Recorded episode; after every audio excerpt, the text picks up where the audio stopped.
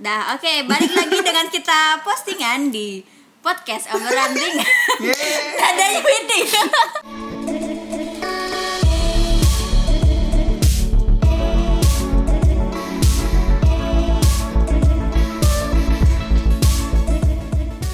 Oke, eh, udah dua minggu kita nggak upload. Satu minggu kemarin upload. Oh iya udah satu minggu kemarin kita absen upload dan semoga insya Allah ini podcast terakhir kita di tahun 2018. Yeay. Sebenarnya harusnya kita nge- ngebahas kalau enaknya tuh ngebahas tentang resolusi gitu ya. Ah, ah, tapi iya, iya. bullshit sih. Eh, soalnya resolusi kemarin saya copy paste tahun berikutnya ya udah lah ya. Karena belum ada yang terwujudnya. belum ada yang tercentang ya. Ya resolusi saya malah nambah selesaikan resolusi tahun lalu. Jadi daripada kita ngebahas terus itu kan, daripada kita terus dibayang-bayangi oleh hutang tahun lalu, jadi bagus kita nggak usah bahas Ya benar. beban. Iya bener bener bener.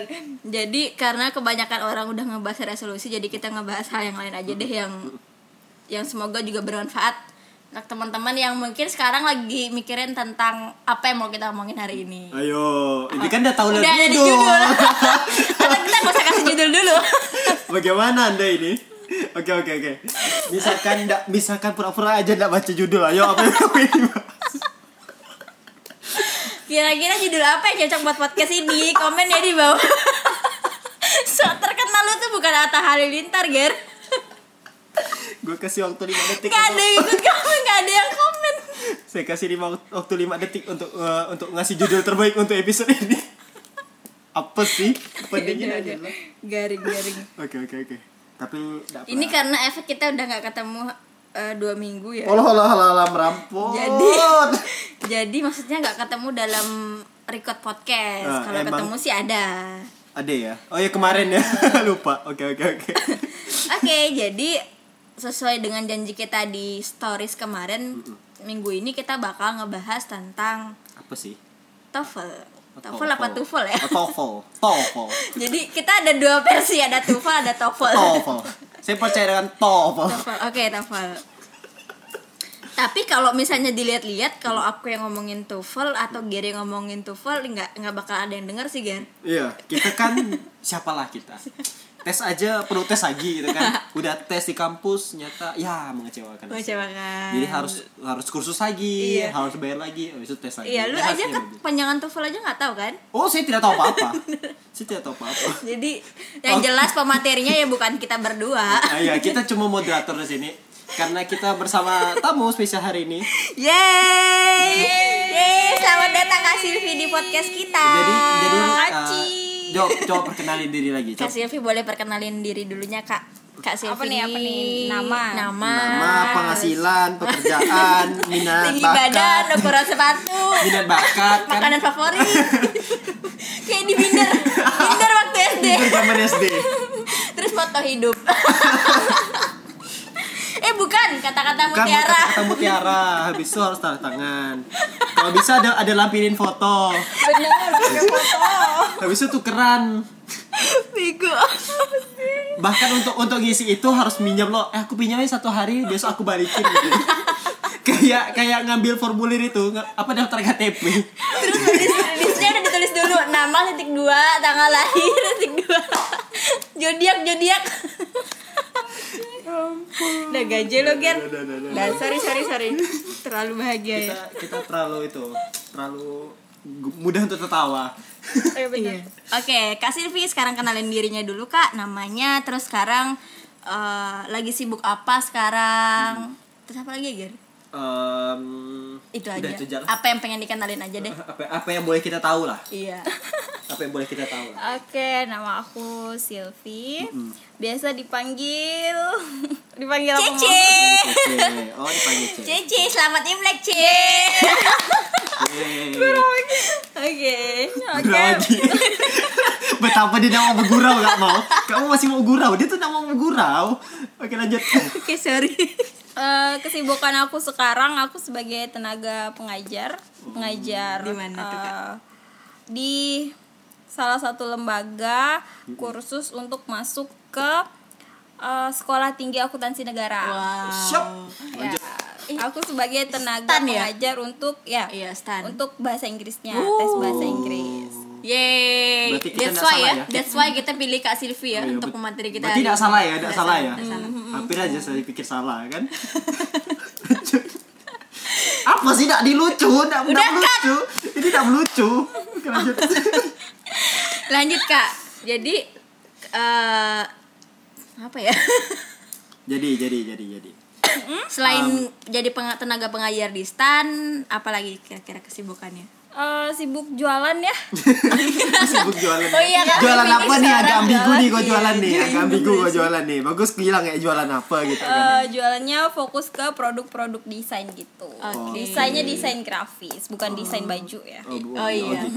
Kalau mau tahu desainnya seperti apa, boleh kunjungi at customgift.pnk. Dot Oke. ID, at ID. customgift.id Oke, oh oke, iya, oke, udah oke. ganti ya kak? udah dong Oke. jadi standarnya nasional Oh, Oh, iya, siap. bener, bener, oh bener, jadi bener, habis nih kita itu ya minta minta transferan ya. mudah lah, mudah lah, mudah lah. Iya, Jangan lupa gampang, beli ya. gampang, Ting. Ting. Oke. endorse ya Terima kasih custom gift. Ting. Jadi tadi kita udah kenalan sama Kak Silvi. Kak Silvi ini sebenarnya teman dekat aku, teman Gary juga di klik ya, Gar. Tetangga Terus- juga. Tetangga juga. Oh iya, satu satu satu gang rumahnya. Ada jauh pernah rumahnya. merantau juga Eh pernah merantau sama-sama. Iya. Jadi Kak Silvi ini sebagai tenaga pengajar di salah satu instansi bimbel namanya ENS ya Kak. ENS yang di mana bimbel itu sebenarnya fokus buat anak-anak masuk ke STAN ya. iya Dalam hal eh, belajar bahasa Inggris lah intinya. Terima kasih NS Ting. Iya, kenapa kita ngundang Kak Silvi sebagai pemateri kita di materi eh di tema tentang TOEFL hari ini sebenarnya eh, kita juga udah sama-sama tahu kalau semenjak pertemanan kita lah ya ibaratnya tuh skill bahasa Inggrisnya Kak Silvi ini udah paling best Uh, banget. siap. gitu. Udah paling best Udah banget. siap go Iya. internasional. Oke, Amin. bener banget. Apalagi pas kemarin dia tes TOEFL dan skornya itu di atas 600 ke atas Ger. Jadi wow, Wow. gitu kan. Gila, gua aja 500 nggak nyampe, lu nyampe kan? Enggak, enggak. gue nggak nyampe dia udah hampir enam setengah kan gue ama- ama- amazing Amaze. banget ya amaze banget ya nah jadi gue pikir gue pikir kak Silvi sayang kalau misalnya cuman nge Jualan desain. jual desain pengajar di NS dan ilmunya buat dia sendiri dan akhirnya kita coba ngajak nih kak gimana kalau ngisi podcast kita tentang ini gitu kan barangkali ada pengetahuan yang mungkin bisa di share sama teman-teman di podcast kita gitu Oke. Kak Silvi gimana? Kalau menurut kakak sebenarnya TOEFL itu kayak gimana sih kak? Definisinya, dulu. Definisinya Definisi deh yang TOEFL ringan. apa sih TOEFL itu apa? Soalnya kan banyak orang tahu eh, tes TOEFL, tes TOEFL, tapi TOEFL itu sebenarnya iya, apa sih Iya, gitu kan? sebenarnya apa sih pengertiannya gitu? Oke, eh, sebenarnya eh, untuk tes bahasa Inggris, eh, TOEFL itu merupakan salah satu tes yang diperuntukkan untuk akademisi. Nah, Oke. yang yang biasanya ditujukan untuk eh, tujuan ya akademik juga gitu. Eh, yang diperuntukkan biasanya untuk syarat masuk ke instansi tertentu atau universitas tertentu, atau untuk sebagai syarat eh, lulus dari universitas gitu kan, lulus seba- eh, syarat eh, ujian skripsi. Oh iya iya iya. Oke. Mm-mm. Kayaknya semua univ kayak gitu ya Iya, peraturannya ya. mm-mm. tapi itu untuk TOEFL, ITP TOEFL. Nah, sebenarnya tes bahasa Inggris tidak hanya eh, ada TOEFL aja. Ada juga yang namanya IELTS. IELTS, eh, kemudian IBT TOEFL. And then ada eh, person test apa? Aduh, aku lupa gitu. Dapat. PTA, PTA person. Oh, Oke. PTA person. Ada PTA person.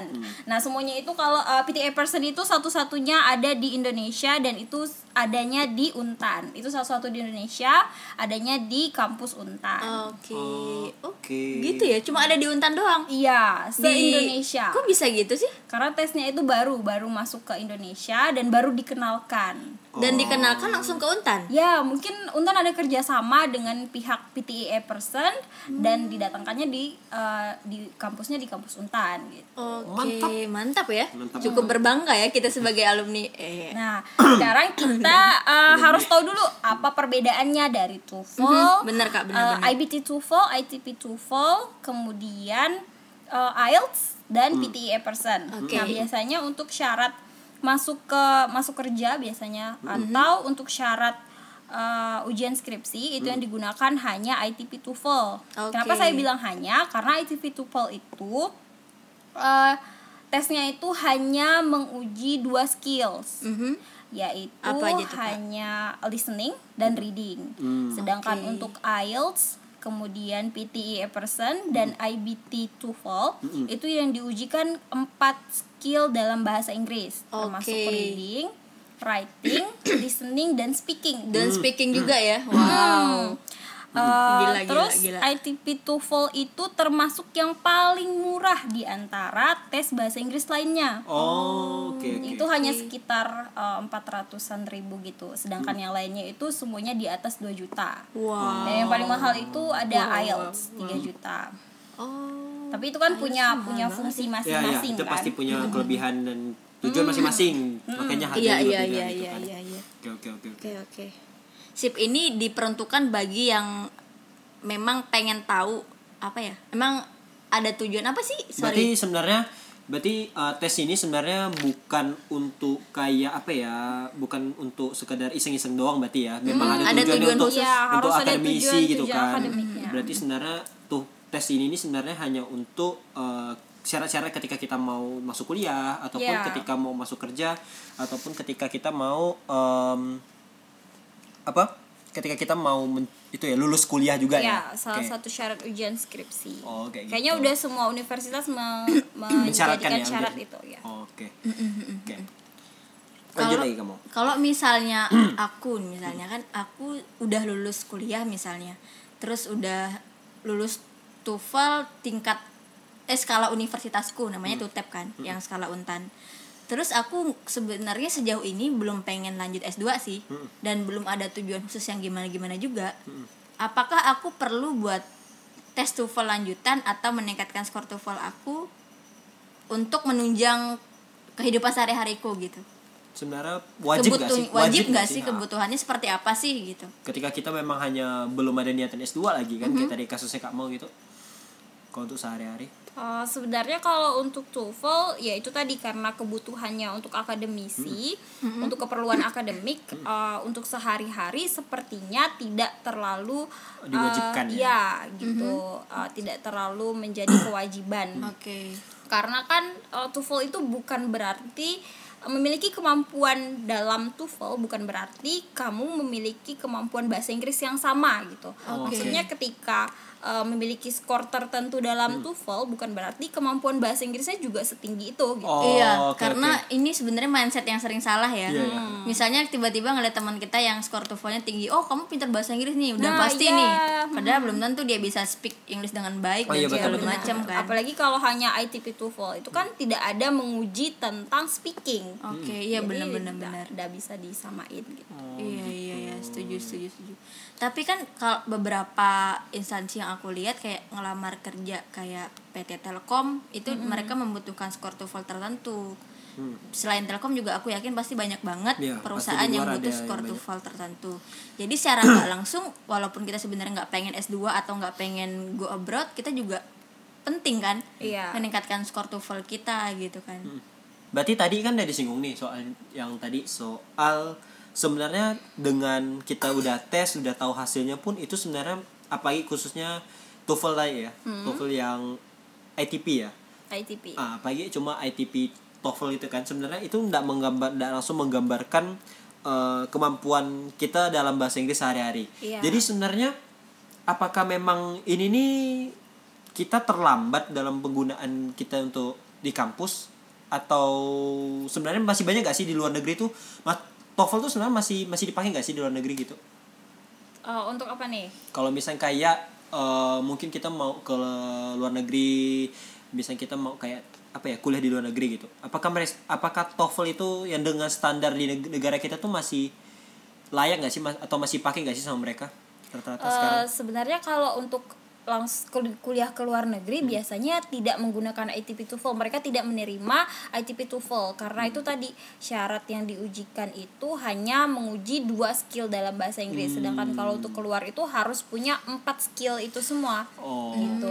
Dan oke. sebenarnya kalau selain ITP TOEFL, yang IBT TOEFL, Hmm. uh, PTE Epperson dan IELTS Hmm. itu uh, benar-benar untuk menguji kemampuan dalam bahasa Inggris karena juga ada speaking kayak misalnya di IELTS itu kan uh, untuk tahap uji speakingnya itu mereka mengundang native speaker yang berasal dari luar negeri gitu diundang ke Indonesia khusus untuk menguji tentang uh, speakingnya. Oke. Nah itu kan berarti benar-benar udah diuji speakingnya gitu kan ya. Oke. oh gitu Oke. Kalau misalnya aku simpulin sih ya, selain untuk keperluan akademisi, eh, TOEFL itu juga bisa keperluan kayak lamaran kerja. Lamaran kerja selain itu aku juga pernah dikasih tahu sama temanku, kan aku pernah bilang aku pengen nih jadi volunteering di luar negeri gitu kan. Sekali-sekali mumpung belum kerja dan mumpung lagi udah beres kuliahnya gitu kan. Terus tem- temanku bilang kakak jangan kebetulan dia junior kan tapi dia udah lulus juga. Terus dia bilang kakak kalau misalnya kakak mau jadi volunteering di luar negeri coba deh sekarang siapin skor TOEFL yang baik dia bilang kayak gitu. Lah aku nanya dong emang apa hubungannya? Emang ada diminta ya skor TOEFL untuk cuman kegiatan volunteering? Aku kan nggak nggak pengen S2 gitu kan. Itu yang diminta TOEFL apa? aku nggak nanya sih kemarin dia cuman dia bilang ada kak ada beberapa kegiatan volunteering tuh yang memang meminta skor TOEFL dia bilang daripada nanti tiba-tiba kakak udah kebelet kepengen daftar itu dan Iya. deadline-nya udah dekat dan kakak belum siap-siap kan bahaya. Dia bilang mending siapin dari sekarang dia bilang kan. Maksudnya nggak cuman keperluan buat S2 apa pun eh, kebutuhan kakak nanti mending siapin aja deh dia bilang kayak gitu. Jadi aku mikir oh iya juga ya gitu. Walaupun sekarang aku belum punya tujuan yang jelas tapi nggak ada salahnya buat disiapin dia bilang kayak gitu oke oke oke oke oke oke itu deh kita kita simpulkan sedikit ya. ya. tujuan TOEFL tuh sebenarnya nggak nggak sesempit cuman untuk syarat ujian skripsi. Iya. untuk lulus doang nggak sesempit itu. Kalau kamu pengen karirmu lebih baik lagi nanti Iya, gitu. nggak cuma jadi karyawan PNS apa segala macam. PNS nggak butuh TOEFL ya? Enggak, tidak perlu. nggak nggak perlu. Jadi Bahkan kalau tidak ada tes bahasa Inggrisnya. iya benar-benar oh iya iya. Nggak ada. sama sekali ya? Bahasa Inggris bukan bukan syarat. bukan jadi syarat utama ya? Oke oke oke oke. Karena saya tidak tahu apa apa jadi saya aja di sini. Kita juga nggak nggak tes nggak Kita tes cuma- aja di sini oke. Lanjut lanjut. Memang beda memang usia ini menunjukkan ya perbedaannya. Iya. nah lanjut. Iya, tapi menurut aku sebenarnya kalaupun kamu nggak punya tujuan khusus, nggak Hmm. pengen S2, nggak pengen volunteering atau nggak pengen apa pun, kalaupun kamu punya waktu dan punya uang, nggak ada salahnya Iya. sih. Hmm. Mulai aku. kursus sih dananya Mulai ya. kursus, paling nggak kan itu bisa meningkatkan kualitas dirimu kan. ya gitu. mantap benar, mantap benar, mantap mantap, mantap. Bener-bener. Jadi pas ketika ketemu orang misalnya kan Calon lagi ngomongin mertua. TOEFL kan, ya at least kamu udah punya pegangan skor TOEFL yang baik gitu. bawa, bawa sertifikat ke mana-mana Iya. ya nggak juga gitu kan. Lu Ria lu. Ada lo Islam tuh namanya Ria. aduh. Oke. Tapi gini mau uh, ada yang sewaktu aku uh, les bahasa Inggris untuk TOEFL, mereka tuh ada kayak nyamain nyamain gitu. uh, mereka dengan mereka tes TOEFL itu bisa sekaligus mereka bisa mendapatkan speaking yang baik gitu.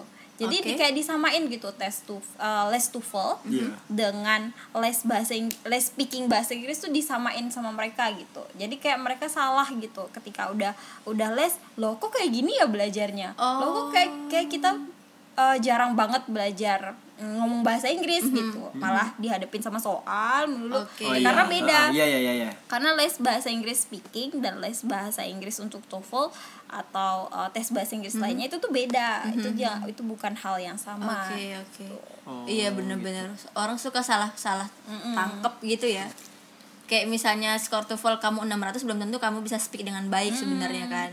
Dan juga Oke. kalau misalnya kamu mau dikhususkan, saya pengen belajar bahasa Inggris supaya bahasa Inggris saya menjadi lebih baik lagi dalam artian itu speaking, ya lesnya ke les tempat untuk speaking. Oke, I see. Kalau pengen untuk uh, tujuan tes bahasa Inggris, ya lesnya ke les Khususkan untuk lagi ya. TOEFL Oh, atau gitu. IELTS gitu. Oke, I see I see bener-bener bener. Oke. Kalau tadi misalkan kita ngomongkan eh, sebenarnya tes dengan hasil TOEFL tadi ndak ndak menggambarkan itu ya apa? Nggak menggambarkan kemampuan sehari-hari Inggris gitu. sebenarnya. Tapi misalkan kemampuan sehari-hari kita udah cukup nih, misal kayak bermodalkan apa ya? Oh, eh vocabulary aku ba- banyak nih gitu kan. Hmm. Aku eh, selama ini pakai HP pakai bahasa Inggris atau aku selama ini bacanya media bahasa Inggris semua. Hmm. Apakah kemungkinan hasil tes kita di TOEFL juga bakal bagus? Nah, eh, ini juga uh, TOEFL itu TOEFL itu tes bahasa Inggris yang ditujukan untuk akademisi. Heeh. Be- uh, berarti uh, orang yang membuat soal TOEFL itu sudah tahu kalau yang ngisi ini pasti orang-orang dari akademisi entah itu mahasiswa, entah itu dosen atau uh, yang setara lainnya. Nah, mereka juga tidak mau ngebuat soal yang bisa dengan mudah dijawab sama sama Oh, kita gitu. Oke oke oke oke Oke. paham. Jadi, Jadi- sebenarnya gini ya. Apa uh, sorry aku potong. Jadi berarti sebenarnya deng orang yang misal udah dengan PD, misal sehari-hari bahasa Inggrisnya udah cukup bagus, uh, kayak speakingnya, readingnya, atau mungkin strukturnya udah cukup bagus gitu. Tapi ketika uh, menghadapi soal tes itu sendiri, berarti sebenarnya dia tidak harus itu ya, tidak harus dengan sangat PD sekali. Oh pasti Iya, aku karena bagus ya. karena itu kan berupa soal gitu kan kalau dia tidak terbiasa dengan soal-soal bahasa Inggris, ya itu bakalan sulit gitu. Oh, jadi mungkin em, mau sebanyak apa pun kosakata yang kita punya, tapi ketika kita ndak Tidak apa ya? tidak terbiasa. ah tidak terbiasa dengan terbiasa soal-soal soal-soal level untuk akademisi, tetap aja itu ya harus Iya. harus tetap harus dipelajari dulu bas eh, dalam TOEFL itu ada eh, bagian-bagian apa saja apa yang akan diujikan seperti apa ujiannya ya karena tetap ada tetap pasti ada strategi soal kayak waktu kan, manajemen waktu pasti itu ada gitu kan. Oke, Oke. benar benar benar. Oke, yuk kita langsung fokus ke TOEFL aja deh. Boleh boleh boleh. Nah, kalau misalnya di TOEFL itu buat yang mungkin banyak juga yang mungkin udah tahu, tapi aku ra- aku rasa juga banyak juga yang mungkin belum tahu gitu kan. Mungkin anak SMA yang dengar kan. Sebenarnya di dalam tes TOEFL itu kemampuan yang diujikan itu bentuknya seperti apa aja sih? Eh, yang diujikan tadi ada dua skill. Skill yang pertama itu speaking. Speaking? Yes. Eh, no listening. no, no, listening. Oke. Listening, dan yang kedua itu adalah reading. Tapi ada tiga bagian di dalam tes TOEFL. Tapi ini khusus untuk ITP TOEFL ya. Oke. ada tiga bagian.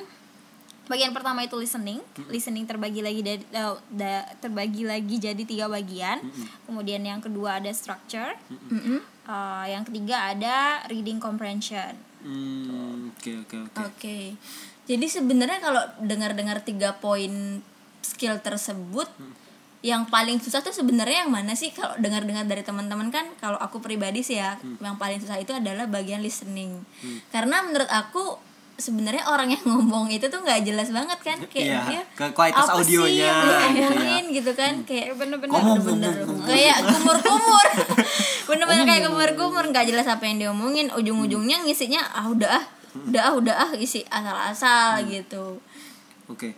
Eh, kalau basic pengalaman aku TOEFL eh, bukan TOEFL sih, kalau misal TOEFL sih aku pribadi udah ikut tes TOEFL dua kali ya. Dan em, menurut aku sih ya mudah-mudah aja gitu kan maksudnya. Bukan mudah, maksudnya ya udah hasilnya cu- cukup bagus lah gitu kan. Tapi yang lucu itu kalau denger-denger listening tadi, aku jadi ingat waktu yang waktu UN dulu sih, waktu UN SMA oke. Itu dulu filenya bahkan sampai rusak dan dulu kan kalau salah UN itu ada 10 atau 15 soal gitu listening. Ujung-ujungnya cuma bisa keluar suara tuh 5 5 soal dan sisanya ngasal ya allah. Level UN ya level UN ya.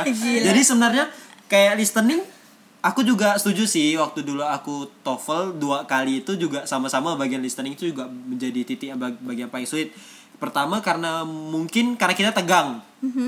Kayak faktor yang Iya, kamu bilang benar-benar, mungkin karena kita tegang karena kita takut Iya, benar, apa sih yang diomongkan? Apa sih yang bakal Udah keluar? takut itu kan. duluan, udah takut kan? duluan kan? Ah, jadi eh, bisa aja tuh sebenarnya kayak kita tuh eh, karena udah takut udah parno jadi nggak fokus. Mhm. kemudian yang kedua tuh juga karena memang audionya emang jelek gitu. Memang audio itu jelek. Oh gitu dia habis itu suara Iya. yang paling aku benci tuh suara cowoknya. Pasti selalu kayak apa ya suaranya tuh berat habis habis udah berat habis itu tuh kak susah susah susah di, susah didengar. Suara cowoknya kayak skinny vibes kan tapi kok nggak benci Enggak. gara-gara chat time kan Enggak, enggak, beda, beda, beda, beda, beda, beda, beda. Oke, oke, kita udah terlalu jauh. Bukan, bukan, bukan. Kalau yang soal chat time udah ya. Tapi kalau soal eh, skinny pep tadi, bahkan skinny pep pun suaranya juga bagus. Iya. Audionya Bukan, juga tuh sebenarnya kalau skinny vape itu Dia- lebih mencontohkan untuk yang IELTS. Ads ya. Iya. Iya, iya. Eh, eh, dan iya, tadi ngebi- ngebicarain tentang audio. Sebenarnya aku udah ngebandingin eh, audio di eh, CD-nya TOEFL dan CD-nya eh, IELTS. di tempat yang sama nih ya di tempat yang sama dan menggunakan alat yang sama Oke. dan ternyata memang asal dari CD-nya dari rekamannya itu memang seperti itu suaranya sedangkan ketika dibandingkan dengan IELTS IELTS itu suaranya sangat jernih tapi kecepatan suaranya masih sama tapi sangat jernih entah kenapa memang asalnya Bajakan dari kali ya? yang TOEFL itu Iya. memang seperti itu gitu Bajakan Emang kali. seperti itu ya? Bajakan kali ya? Mungkin karena murah kan ya udahlah biaya produksi juga murah ya buat apa kasih kualitas yang bagus kopi kopi ya kopi ya. Gue standarnya cuma kayak S1 doang gitu kan. Ah, mu- mungkin karena itu sih karena biaya produksi sih mungkin. Atau mungkin aku masih tesnya di di satu tempat yang sama kali gitu Iya, kalau misalnya Nggak tahu penasaran sih. Tapi se Indonesia sama kan soalnya kan? sama sih seperti itu juga Pasti audionya juga sama dong. Nggak mungkin speaker untan sejelek itu kan? Tidak, speakernya tidak bermasalah, speakernya tidak bermasalah. Bahkan ketika dia muter lagu juga bagus gitu kan Iya. maksudnya. Tapi ketika Iya. TOEFL tidak tahu ngapa tuh ngomong ngomong ya ngomong memang ngomong itu kata- asal usul rekamannya dari Ah. dari voice seperti itu Mungkin, Iya, iya. mungkin kayaknya Sengaja kali dia. sengaja menjebak dia skornya nggak bagus-bagus benar oh berarti Iya. berarti udah ada kambing hitamnya untuk mahasiswa-mahasiswa yang nilai 300 gitu kan Iya. ah nilai aku jelek TOEFL wajar audionya jelek Iya.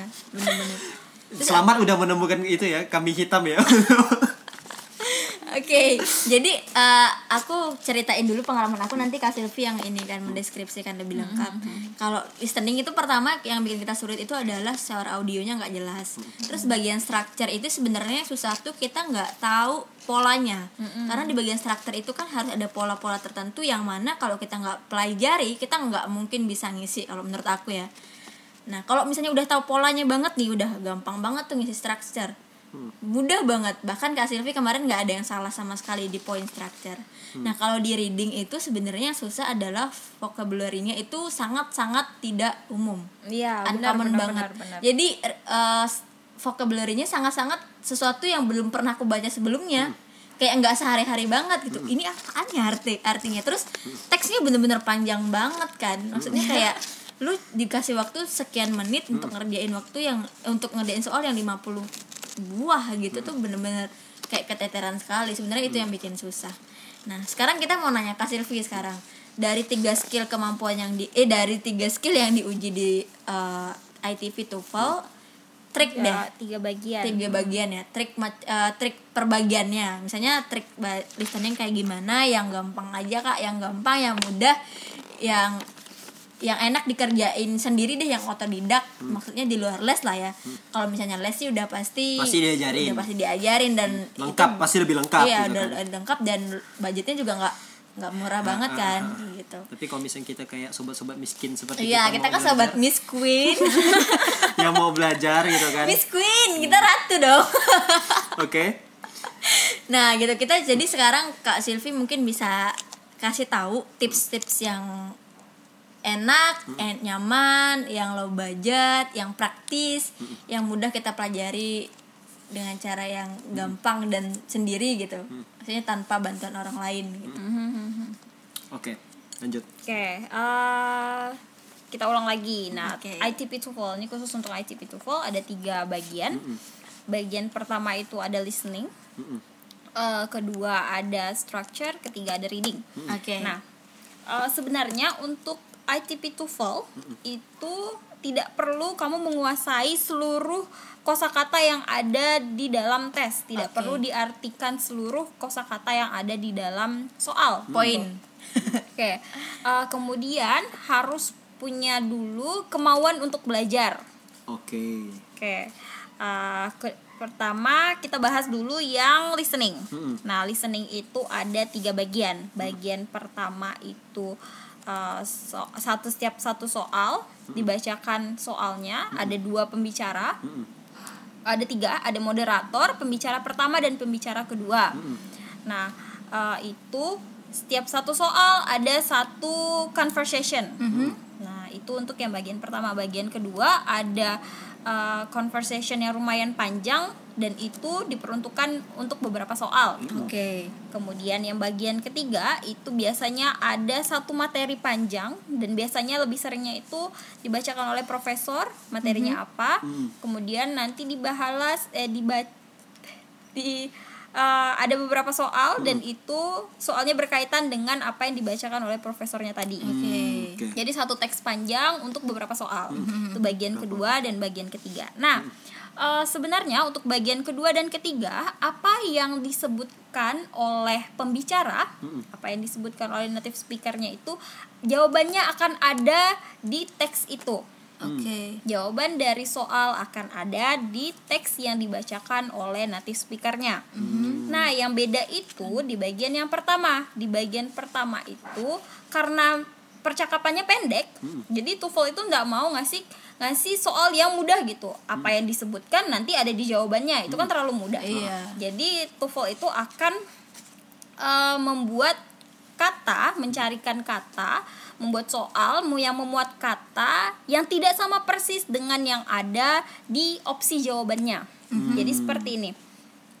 Apa yang kamu dengar itu uh, tidak sama persis dengan jawaban yang tersedia di opsi. Jadi Oke. kalau di dalam opsi itu terdengar di dalam percakapan, maka itu bukan jawabannya. Oke. Oke. Kalau di dalam opsi Tips ya, ada tips. misalnya terdengar ini nih. Eh, aku terdengar kata book, buku. Nah, kemungkinan besar itu tidak ad- tidak bukan jawabannya. jawabannya. Bukan jawabannya. Iya, tuh. Menjebak ya. Hmm. Terus tips yang kedua, tips yang kedua, jika kamu ketinggalan eh, Oke, lanjut. Maafkan kerinci-kerinci muce. Ah, Iya. tips kedua, tips kedua itu sebenarnya jawaban di jawaban di soal itu ada di pembicara kedua. Oke. Jadi fokus Oh. pada pembicara kedua karena biasanya pembicara pertama itu hanya menanyakan keadaan Iya. dan pembicara kedua yang Menjawab. menjawabnya. Nah, biasanya Dan pem- itu yang ditanyain. itu- jawaban itu ada di pembicara kedua. Oke. Tuh, jadi kalau ketinggalan ketinggalan eh, Yang percakapan pembicara pembicara pertama, pertama. Apa, tidak ya. masalah. Masalah. Cukup dengar eh, pembicara kedua. Oke. Berarti kata kuncinya sama. Misalnya pembicara kedua dia bilang book, jawabannya ada book. Now, apa yang kita dengar itu bukan jawabannya. Oke. Balik ke poin Balik lagi ke satu. poin satu ya. Oke, jangan Oke. terkecoh karena sebagian besar anak-anak kalau misalnya nggak tahu vocabnya atau nggak tahu isi percakapannya dia pasti mengisi, Ah, mengisi apa yang dia didengar. dengar. Iya gitu kan. benar benar benar. Oh. Termasuk aku dulu. Iya, kedengarannya ini kayaknya nih. Oh, Iya, pasti ini jawabannya. jawabannya. Padahal itu salah, itu sangat sangat salah. Salah. Oke, lanjut lanjut lanjut. Oke, pembuat soalnya memang sangat pintar. Oke, eh, tadi eh, karena aku bilang di yang poin pertama kalau apa yang kita dengar itu bukan jawabannya, terus jawabannya yang mana dong? Cari sinonim dari kata yang kita dengar. Oke, cari sinonim. Kayak misalnya nih eh, calling, Hmm. nelpon. Nah, cari kata yang sama, jangan isi callingnya. Biasanya Hmm. itu bukan itu bukan jawabannya gitu. Oke. Oh. Uh, misalnya Oke. calling, cari sinonimnya. Sinonimnya apa? Phoning misalnya, Hmm. menelpon, sama-sama menelpon kan. Nah, kemungkinan besar itu jawabannya. Oke, berarti that's why kita harus banyak vocabulary juga Nah, ya, Cek? iya. Tapi biasanya tidak terlalu sulit untuk yang bagian listening. Itu Oke. masih karena percakapan harian Ah, kan. iya, iya. Iya iya iya benar tuh. Belum- Vocabnya nggak sulit, tapi kita terkecoh di bagian Iya, itunya. karena kita apa ya Udah biasa fokusnya, cuma mm. langsung oh denger ini langsung cari gitu Iya. langsung, langsung silang yang ada didengar gitu kan. Iya benar-benar itu yang mindset atau bukan mindset sih kayak perilaku yang kebanyakan orang lakukan yang Ah. sebenarnya salah gitu. karena kita Oke. memang harus lebih memahami apa yang Nice, diomongin gitu kan. nice info ya, Lanjut, nice tips. Lanjut kak C. Itu sih untuk listening. Uh, listening. yang paling penting itu tahu dari sinonim kata yang dibicarakan oleh pembicara. Gitu. Uh, Oke, kita lanjut ke bagian structure. Ah, Uh, sebenarnya kalau yang structure ini lebih membingungkan karena biasanya kalimat yang memuat yang dimuat dalam soal itu bukan kalimat yang percakapan sehari-hari Ah. lagi gitu. bahasanya udah bahasa Iya. bahasa yang lebih akademisi Iya benar-benar. Hmm. Nah, kalau di dalam uh, bagian structure itu ada tips and triknya. Uh, sebenarnya tidak terlalu sulit, asal pertama harus punya modal bisa membedakan yang mana yang subject, yang mana verb, uh, adverb, kata keterangan, kemudian noun, Oke. kata benda. Oke. Modalnya itu dulu bisa membedakan subjek, verb, noun, Heeh. adverb, kemudian eh, itu sih keterangan, kata benda, kata sifat, adjektif. oke Oke, harus bisa membedakan dulu itu. pertama harus bisa Kemudian, membedakan hmm. lanjut Eh, terus selanjutnya Hmm. untuk kalimat yang structure, untuk soal structure itu mereka sudah punya strukturnya. Jadi Hmm. di dalam satu kalimat harus memuat setidaknya Hmm. satu subjek dan satu verb. di dalam satu kalimat harus memuat setidaknya satu subjek dan satu verb. That's why Oke. ha- kita harus bisa bedakan yang mana subjek yang mana verb gitu kan ya. Oke oke oke. Uh, kemudian ketika uh, dalam soal ditemukan lebih dari satu subjek, nah itu berarti di kalimat itu harus memuat setidaknya dua subjek, dua verb dan satu konektor. Oke. Ada dua struktur, dua struktur di dalam soal structure. Oke. Itu yang harus diingat. Yang pertama, kalimatnya memuat satu subjek dan satu verb. Tetapi kalau ketemu subjeknya lebih dari satu atau Oke. verbnya lebih dari satu, berarti dia memuat yang kedua, dua subjek, dua verb dan satu konektor, kata sambung. Oke. Oke. Tuh. Nah, bentar. Bagi teman-teman yang mungkin lagi dengerin uh, bagian ini, mungkin boleh bisa sambil keluarin note-nya ya. Dan bisa di-reply ulang ke Dan, menit sebelumnya karena ini gue pikir harus dicatat sih. nggak bisa cuma didengar dan habis itu kalau bisa langsung langsung dipraktekin, langsung atau diambil atau soalnya atau, gitu. atau mulai uh, review-review soal, iya browsing cari-cari soal gitu, gitu kan. karena lanjut-lanjut. lebih enak kalau dengerin tips langsung dipraktekin biar langsung ilmunya langsung nempel gitu nggak langsung lupa Hmm. atau dan misalkan kurang ini. paham dengan poin-poinnya gitu kan. Iya. Apa sih yang dimaksud dengan tadi eh, apa eh, satu subjek lah, dua subjek lah. Kayak kita lihat- contoh soalnya kan kita pasti oh nyata ini yang dimaksud gitu kan. iya jadi langsung, Langsung dapat gitu poinnya oke Oke, next ya. Eh, kenapa kenapa aku bilang seperti itu? Karena biasanya bagian yang kosong atau bagian yang harus diisi yang tersedia di opsi itu adalah salah satunya. Misalnya di kalimatnya tidak memuat apa? Oh, sudah memuat satu subjek. eh, tapi tidak ada verbnya ya udah berarti di Berarti opsi harus verb. kita cari yang verb gitu Oke. Nah, kemudian kalau di soalnya sudah memuat dua subjek, Uh-uh. udah memuat dua verb juga di soalnya, di kalimat soal. Berarti Ya udah berarti konektor tadi. mm, pilihan Oke. jawaban benarnya harus berupa konektor. tuh kan Ger lu nggak ikut pelatihan tapi dapat ilmu dari Iya, sini mantep.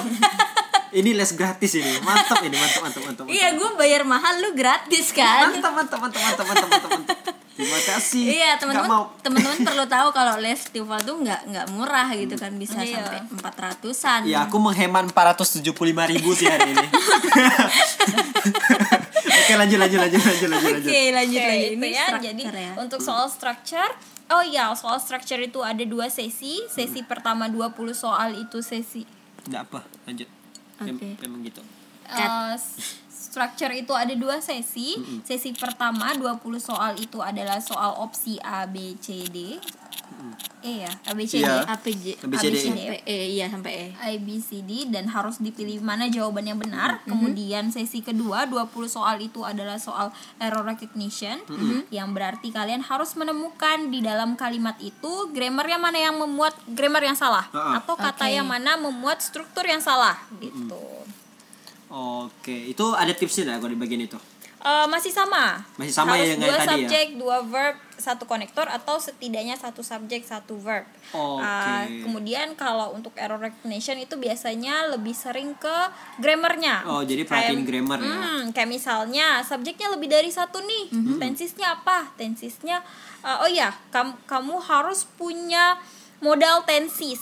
Oke, oh Harus iya. paham dengan tensis. tesisnya yang basic-basic gitu. Iya. Iya, bener-bener. Ya, At kayak misalnya- past tense, present, present tense tuh kamu tahu lah ya. Oh, iya. Hmm, harus paham seluruh seluruh uh, Aturan-aturan rumus ya seluruh rumus di tensis harus paham semua Kira-kira beserta dengan keterangan tuh- waktunya sel- Seluruhnya tuh ada berapa kira-kira? ada 16 tensis dan harus paham dengan seluruh keterangan waktunya dan sebenarnya kalau udah paham Gila sih. Yang penting kan hafalin polanya. Iya, sebenarnya kalau udah memahami tensis itu tidak susah karena tensis itu punya Ah, pola. tesis itu berpola. Hanya cukup empat, yang dipelajari. perlu diapal- diapalin. Hmm. Tensis yang simple, Ah. tensis simple ada simple past simple present Ah, iya, simple semua simple-simple lah itu. future. Ah. Kemudian Iya. ada yang continuous. Nah, continuous. itu sama uh, present continuous, past continuous, future Mhm. continuous, kemudian ada yang perfect. Perfect itu ada present perfect, past perfect, future perfect. Hmm, jadi kan uh, udah sama tuh ada past, ada present, ada future. Nah, gitulah. Oke. Cuma Eh, ngomong-ngomong tentang tensis, aku langsung buka aja deh pertanyaan dari salah satu sahabat kita ya. Oke. Biar nggak diulang lagi nanti. iya, boleh, boleh, Jadi boleh. soalnya pertanyaan tuh terkait gitu. Dia nanya gimana cara nguasain tensis yang seabrek baik aktif maupun pasif. Oke. Nah, oh ya. Iya, gimana tuh? Tips- pertama kita tipsnya? belajar yang aktif dulu ya. yang aktif. Eh, Kalau kalau aku ngajar di bimbel itu, Oke. aku udah punya eh, ringkasannya untuk adik-adik itu aku udah buatin ringkasan Oke. secantik mungkin. Di- yang pakai desain desain itu ya Pakai desain ya. malu anak desain Aku aku udah lihat story storynya, aku udah lihat storynya. Lanjut. Kalau kalau mau nanti aku kasih. Boleh, aku minta. Oke, lanjut. jadi buat pendengar kita tiga tiga pendengar pertama ya Setelah itu bayar. Ah, ya, setelah itu bayar. Oke, lanjut. bener tuh bener kita boleh nih Boleh, boleh. boleh. boleh udah. Cin? Eh, giveaway Oke, lanjut. Oke. Uh, tensis, tensis itu ada 16. Nah, sebenarnya tidak terlalu sulit untuk tensis. Yang penting tahu uh, tensis ini menggunakan verb apa? Verb satu, Verb dua, dua, atau tiga, tiga. atau verb ing. oke Tuh. verbnya harus Nah. tahu dulu Mm-mm. Pertama ada simple. Mhm. Ada yang namanya simple, simple present, simple past, simple future. Mhm. Simple. Ke semua simple ini semuanya menggunakan verb one kecuali simple past. Simple past Iya. menggunakan verb two. Oke Dan satu-satunya tenses yang menggunakan verb two hanya simple past. oke Dari 16 tenses Satu-satunya itu tenses ya. satu-satunya yang menggunakan verb to hanya simple past. Kemudian continuous.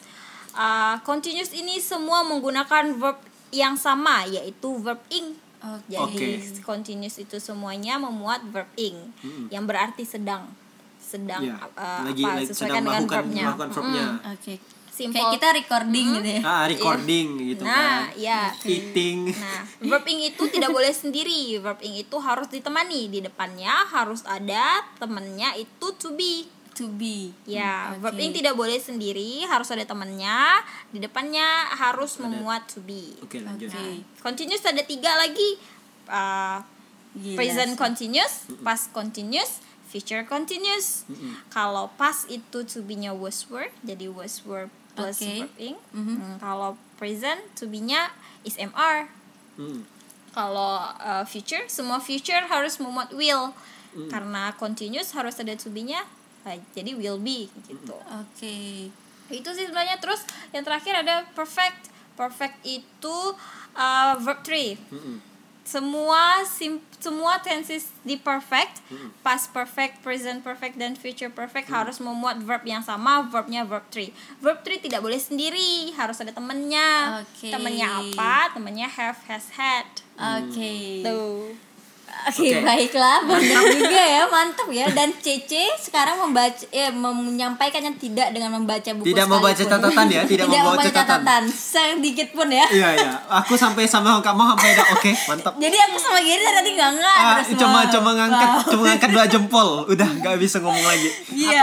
Oke oke yang mau minum Gila minum sih. dulu ya mau minum minum dulu oke Gue tuh Ger taunya cuma pasten kalau pakai verb to terus. aku aku memang aku memang nggak nggak suka belajar tesis sih Ya bener bener bener. soalnya gaya pengajar waktu aku duduk sekolah itu memang bosenin gitu kan iya. kau dengan cece dah Iya. angkat jempol Da, suka- sebenarnya aku sekalian pengen nanya juga, C. Mm. Kan dari 16 tesis itu kan sebenarnya banyak kan.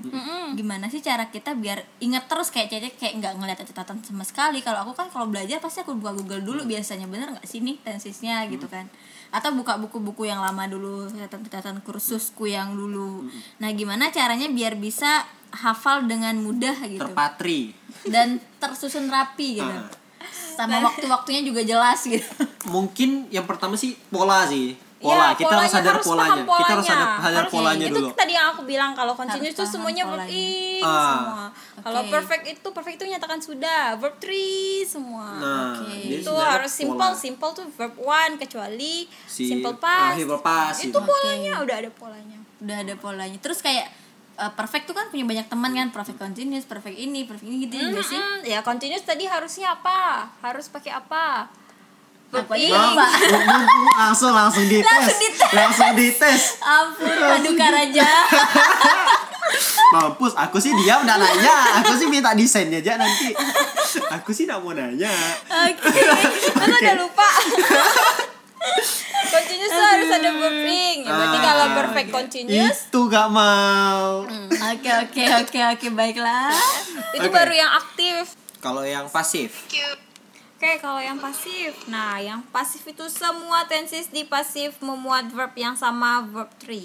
Oke. Mm-mm.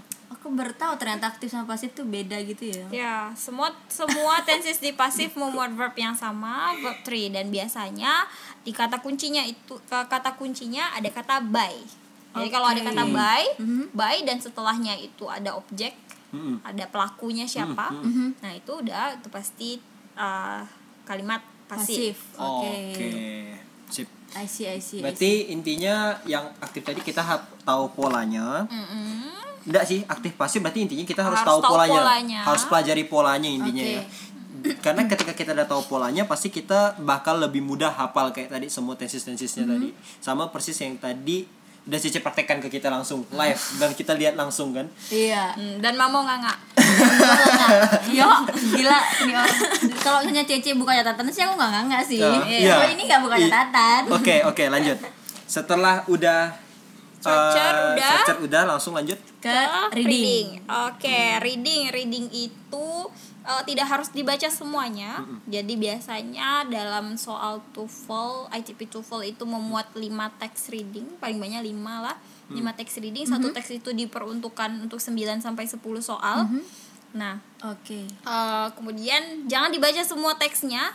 Jadi cukup dibaca soalnya. Oke. Terus dicari keywordnya apa, temukan keywordnya di dalam teks. Berarti kayak basic bahasa Indonesia lah ya. Kalau misalnya tes-tes bahasa ujian-ujian bahasa Indonesia yang banyak teksnya kan. Yang penting cari keywordnya gitu Ya, kan. cari keywordnya cari di teks dan biasanya uh, soal misalnya nih satu teks ada soal satu teks itu untuk soal nomor 1 sampai 10. Biasanya soal nomor satu itu ada di paragraf pertama baris pertama dan biasanya soal kedua itu lebih maju lagi paragraf pertama barisnya ketiga keempat gitu jadi semakin tinggi nomornya Berarti itu keywordnya juga semakin ke bawah gitu. Oke. jadi kan tidak perlu uh, menghabiskan banyak waktu untuk mencari keywordnya Oke. di mana Itu base itu itu poin basic ya. ah. Itu basic bahasa Indonesia lah ya. Kayak sama Oke. kayak persis bahasa Indonesia. Iya, tapi kalau TOEFL itu seperti itu berurutan dia. Iya. Oke. Benar-benar. Hmm. Eh, ada enggak pertanyaan dan yang soal reading-reading nggak mau? Ada ada. Ada. Cara reading biar nggak puyeng. Sama banget ya. Ah.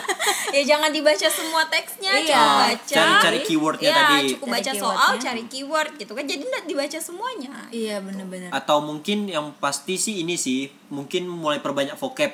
Karena ketika Iya. vocab kita benar-benar terbatas, kita pun jadi ogah baca Iya sebenarnya. benar, Iya, benar, benar, benar. Dan biasanya kalau soal uh, teks untuk dalam reading itu pasti tidak jauh-jauh dari sains, Iya. sejarah, Iya, benar. sosial. Nah, itu Jadi dia itu kan makanya. pusing banget itu mat- Iya. kayak materi kuliah gitu. Topiknya tuh bener-bener kayak Ya karena tuh untuk akademisi kan. Bener-bener bener-bener mantap mantap mantap. Iya bener-bener bener. Itu sih yang bikin susah sebenarnya karena topiknya nggak biasa. Hmm. Apalagi bagi kita yang sebenarnya jarang baca buku kan. Jarang baca Ah, buku iya, memang. terus ngomongin tentang sains, tentang itu tentang sosial lah nggak banget dah topik Hmm. eh, vocabnya udah nggak asing eh asing-asing banget Coba kalau ngomongin coba ngomongin soal seleb. ah, itu jago. ya paling at least tuh ngomongin dongeng kayak kita ujian SMA Oh. ya Anda kan kan udah akademisi. Nggak ada. Baiklah. Oke, ada lagi dah pertanyaan soal mengenai mengenai reading. Mumpung udah bahas soal reading tadi. Nggak lagi? ada. Ada. ya? Oke, lanjut. Eh, tadi udah sampai di reading. oke Udah semua soal TOEFL udah dibahas nih. sekarang eh selain udah tips-tipsnya udah dibahas tips per, Per per, segmennya segmen, per segmen Oh, ya. aku ada mau ditambahin. Oke, Apa? lanjutin. Tips, semua tips and trick yang tadi tidak akan berlaku kalau kalian tidak bisa memanajemen waktu. That's Oh, why itu sangat iya, I penting. Benar-benar, Ah, benar. mm-mm. Biasanya itu di reading. Reading itu kan soalnya banyak, Banyak, banget banyak. jadi stuck di satu teks. Jadi tidak bisa uh, menyesuaikan waktu. Padahal sebenarnya satu teks itu cukup sam- 10 menit itu udah paling Berarti intinya harus ini bisa memanajemen waktunya. ini mirip kayak SBMPTN. Hmm. Kita harus eh, sering-sering try out, Oke. sering-sering coba-coba apa manage waktunya. Karena soal SBM kan juga seperti itu. Oke. Banyak sekali soal waktu-waktu-waktu dan ya memang itu sih betul ketika kita ngambil tes TOEFL, kita ngambil Mhm. tes apa pun eh, akademisi kita harus sering-sering tr- try out tadi. Iya, Jadi benar. makanya tadi Cece udah tekankan ketika untuk teman-teman yang memang eh, udah bermodal bahasa Inggrisnya bagus pun ketika kita mau ujian betul kita harus mulai kayak sebenarnya kurs atau coba-coba soal Iya. karena bisa karena biasa. karena soalnya banyak perfect. karena banyak sekali faktor selain dari kemampuan bahasa Inggris kita yang bekalnya soalnya di, banyak sekali faktor selain dari bekal bahasa Inggris yang cukup kita juga harus punya uh, manajemen waktu yang baik. Iya bener-bener. Kayak dibagi aja kali ya Ci. Misalnya listening eh, dalam waktu berapa menit ke Ah, depan enggak. Kalau kalau tes TOEFL itu kan mereka udah ada waktunya Ah, kan. Iya, kalau listening Jadi udah ada waktunya waktunya. habis Ah. silahkan Oh ganti iya iya iya.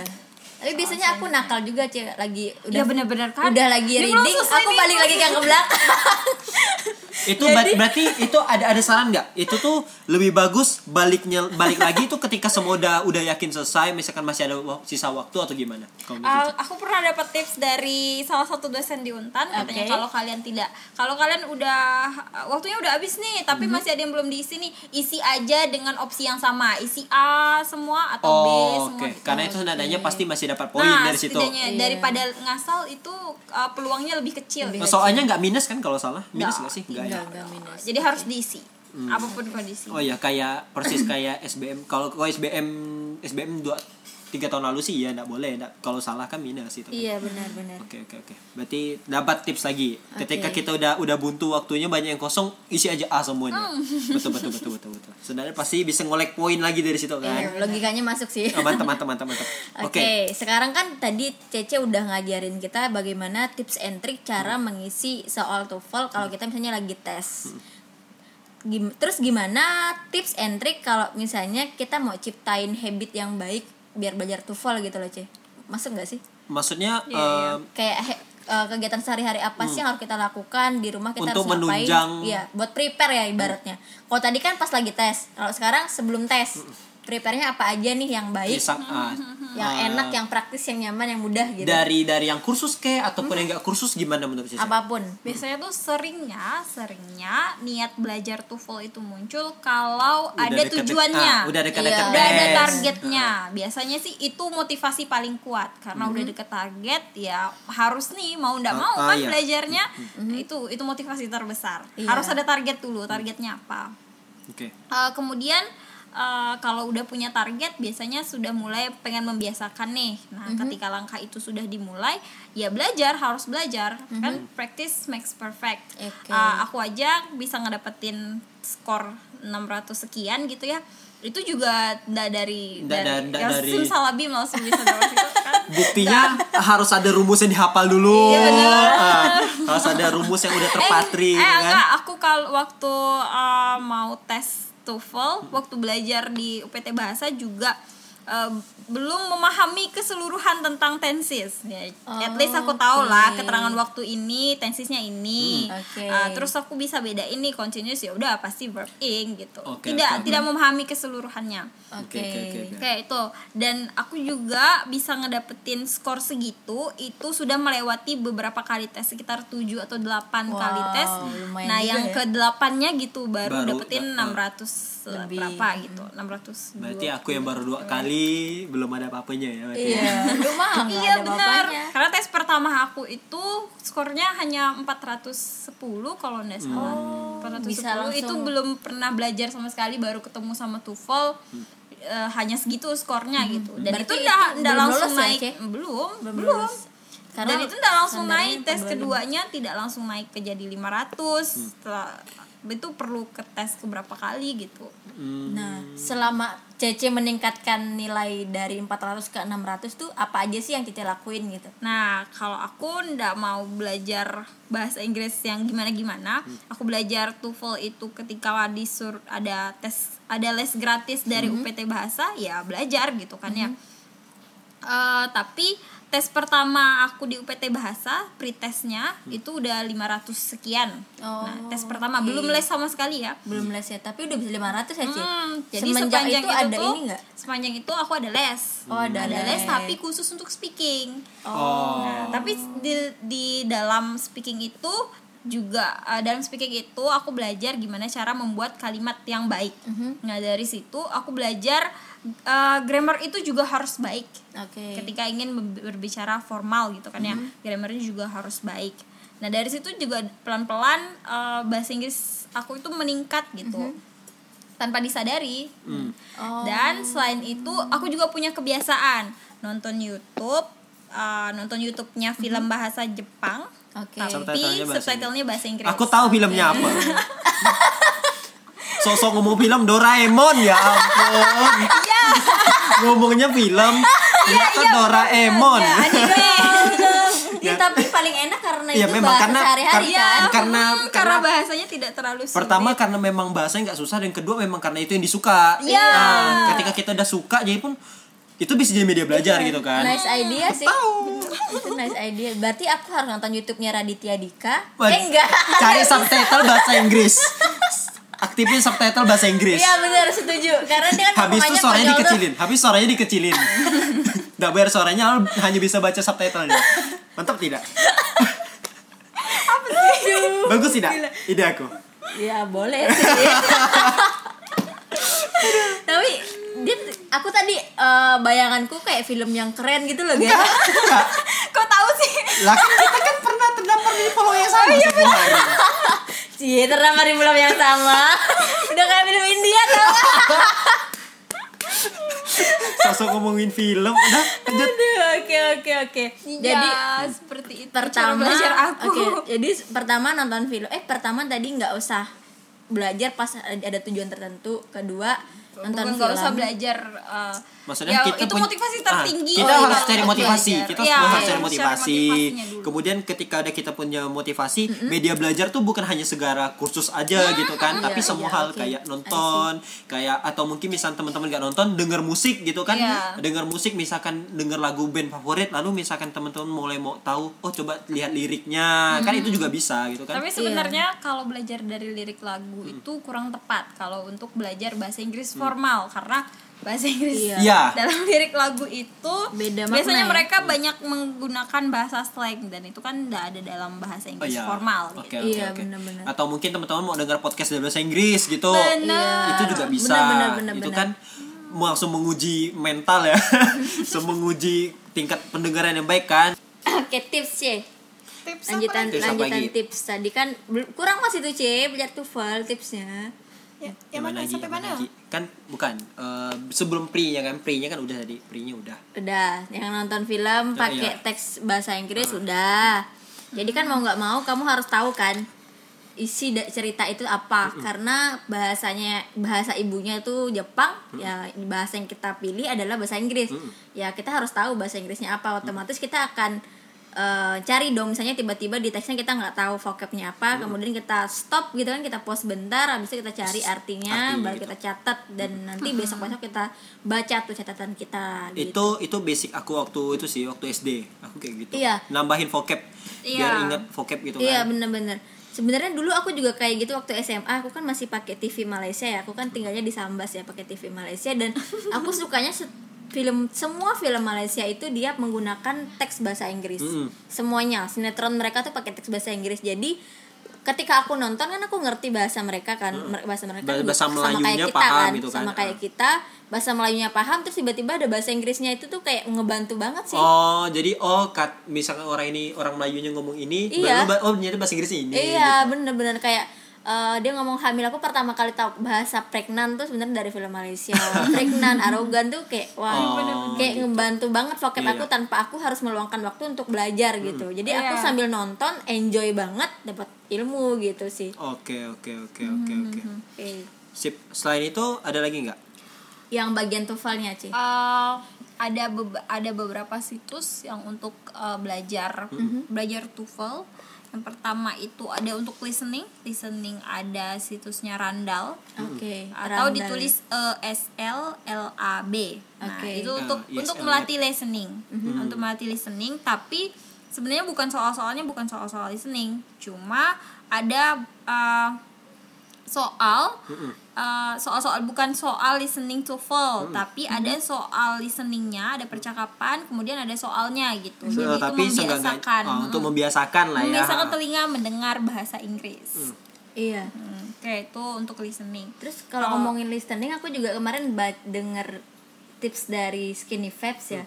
Jadi dia tuh da- cara belajar listeningnya dia dengerin lagu sih. Jadi dia dengerin lagu misalnya lagunya apa tanpa dia ngeliat Lirik. layarnya Oh, nanti iya. dia tulis liriknya nanti Iya. disamain Nanti kayak disesuaikan iya, apakah apakah kira-kira gitu. denger nih sama enggak gitu iya ya. jadi nanti oke, kita oke. akan terbiasa bisa juga, gitu. bisa. Bisa bisa bisa bisa bisa. Lanjut lanjut lanjut. Ya, itu tips lis- listening ya Ah, tips selain listening, The, selain listening cek lanjut lanjut Cek. Ah, tetap harus dipelajari lah dibuka buku Mhm. uh, TOEFL-nya ada buku buku Longman itu udah buku tua banget iya yang membahas tentang TOEFL Hmm. oke kupas tuntas habis Hmm. tipsnya juga ada di situ silahkan di download itu banyak sekali linknya di uh, Google yang Oke. menyediakan untuk download bukunya Mhm. Eh, udah sih di situ udah lengkap banget dan harusnya tentukan eh, caramu sendiri gimana caranya bisa belajar dengan asyik gitu karena kan Oh. belajarnya sendiri nih harus temukan cara gimana Intinya harus enjoy ya, karena kan kita belajarnya sendiri gitu kan. Ke- Iya. Kecuali kalau teman-teman emang punya uang, punya waktu ya kursus. Ya benar khusus. Kalau di Pontianak eh, aku lebih merekomendasikan UPT Bahasa, UPT bahasa Untan ya. UPT Bahasa Untan. Iya. Oh, Universitas Tanjung Pura. Jadi teman Dan- itu itu bisa untuk umum kan? Bisa, untuk Bisa, umum dan bisa. di situ lebih murah Jadi- daripada tempat les yang lain. Jadi untuk teman-teman Untuk misal untuk teman-teman yang anak SM anak sekolahan Bisa. ataupun anak anak-anak yang kuliahan juga dari universitas lain bisa langsung aja ke Universitas iya. Universitas Tanjung Pura di UPT bahasanya di depan Fakultas Ekonomi. Mm-mm. Nanti teman-teman bisa Oke. langsung eh, langsung aja bilang mau itu ya, mau les gitu ya. Iya, les TOEFL. Oke, karena karena setahu aku biayanya jauh lebih murah daripada les les swasta Ya, mm-mm, benar benar jauh lebih murah eh, dan pilihan waktunya juga banyak. dan oke tenaga pengajarnya juga profesional. Ya, Karena langsung, dosen, dosen Untan. langsung dosen-dosen untan kan. Iya. Mantep dah. iya dan yang paling penting sebenarnya banyak-banyak latihan ya sih Iya, banyak-banyak latihan coba-coba iya coba-coba soal TOEFL jadi kalau udah terbiasa sambil ngelatih manajemen waktunya tadi diatur waktunya langsung jadi pas tes beneran tuh udah terbiasa gitu Oke. Terus ada intinya juga ketika kamu akan belajar TOEFL atau apa pun tentang English sebenarnya pertama apa sih tadi Cek? Kamu harus suka dulu. Kemauan. Ya, kemauan dan Suka harus cinta dulu. sama bahasa Inggris. Jadi kalau kamu nggak cinta udah nggak enak tuh belajarnya pasti. Bener. Cinta dulu dan semuanya akan jadi lebih mudah. Iya, dengan cinta semuanya mudah. Iya. Oke, jalan tol ya. Oke. dan sebenarnya kalau tips dari aku pribadi apa pun ya bukan hanya TOEFL Hmm. about tentang English sebenarnya intinya adalah perbanyak kosakata. Iya. Jadi kalau bisa kamu bisa targetin sehari. Dulu aku pernah melakukan ini waktu SMA dan sekarang kenapa udah males ya. Jadi sehari itu aku bisa ngumpulin 5 at least kan 5 dan nanti aku hafalin terus setiap hari. Karena aku kursus juga jadi di tempat kursus tuh ditagih. Oh. Kayak maju gitu bener-bener kayak ditagih gitu. Jadi kayak Oke. ingat gitu. Itu bisa ditargetin jadi bayangin seminggu kamu bisa dapat 35 vocabulary, sebulan udah dapat ratusan dan itu sangat membantu banget sih. Iya. Karena 5 vocabulary vocabulary itu sebenarnya nggak nggak susah banget, nggak susah juga. Iya, Iya, nggak susah. Cuman susahnya sebenarnya nggak ada yang nagih karena Iya, dia iya. khusus lagi gitu. Kalau misalkan nggak nggak dipaksa, nggak- motivasinya itu Iya. nggak kuat. Mhm. Oke, gitu sepertinya aja sih. sudah ya. ada last last word cih Uh, practice makes perfect. Yay. Only that. Nah, only that. Walaupun sebenarnya itu klasik banget tapi ya emang Tapi cuman emang cuma itu. Iya, benar itu. Cuman itu tuh Kan eh, orang suka meremeh- nasihatnya, orang suka orang suka meremehkan ketika alah aku udah bosan dan dengerin gitu-gitu. Padahal ya memang coba aja dulu dengan Iya, prinsip benar. itu kan. lu udah bosan tapi lu belum ngelakuin Ah, gitu kan. gimana coba gitu Oke, sep- Oke. sepertinya sudah. Eh, terima kasih Cece buat eh, waktunya tips and triknya, waktunya, rumahnya. Namanya. eh btw tadi giveaway-nya jadi nggak ya Oke nanti kita lihat aja lah di deskripsi ya kalau misalkan jadi ya ada gitu kan. Iya. Tapi kalau enggak ya kita harus dapat. Iya jadi aja ya cek Oke kita harus minta sih. tiga orang pertama kita bakal ngasih eh, Cece bakal ngasih ini Nah pokoknya nanti kita aja lah. Kita, kita udah lu kita- jangan egois gitu pendengar kita juga pengen Oh oke oke oke oke nanti nanti Tapi- kepastiannya ada di deskripsi lah ya. Dah pokoknya kepastiannya ada di deskripsi. Oke, semoga sukses dan semoga teman-teman semua bisa belajar dengan baik, nyaman, enak dan intinya belajar dengan cara versi dirimu sendiri Bisa teman-teman punya uh, tips and trick ala kalian sendiri, boleh teman-teman boleh komen atau mungkin bisa langsung cerita-cerita di DM di @postingan.podcastringan uh, atau bisa teman-teman juga uh, ada sumbangan ide-ide selanjutnya bisa langsung DM Instagram ataupun email ataupun WA yang kenal. Uh, bisa teman-teman udah dengerin episode ini, teman-teman jangan lupa bagiin ke Instastory-nya di tag ke kita @postingan podcast ringan. Oke. Uh, nanti kita repost. Yeay. Sip, Makasih uh, udah dengerin. Makasih banyak waktunya Kak Silvi. Iya. Semoga berkah. Sip. Amin. See you next time. Siapa tahu kita bisa collab lagi Iya. uh, dalam bentuk yang lain. Oke. Oke, sepertinya udah ya. Udah. Kayaknya Gary buru-buru dari tadi nih kelihatan beda. Woi, jangan kayak gitu dong. Bye bye.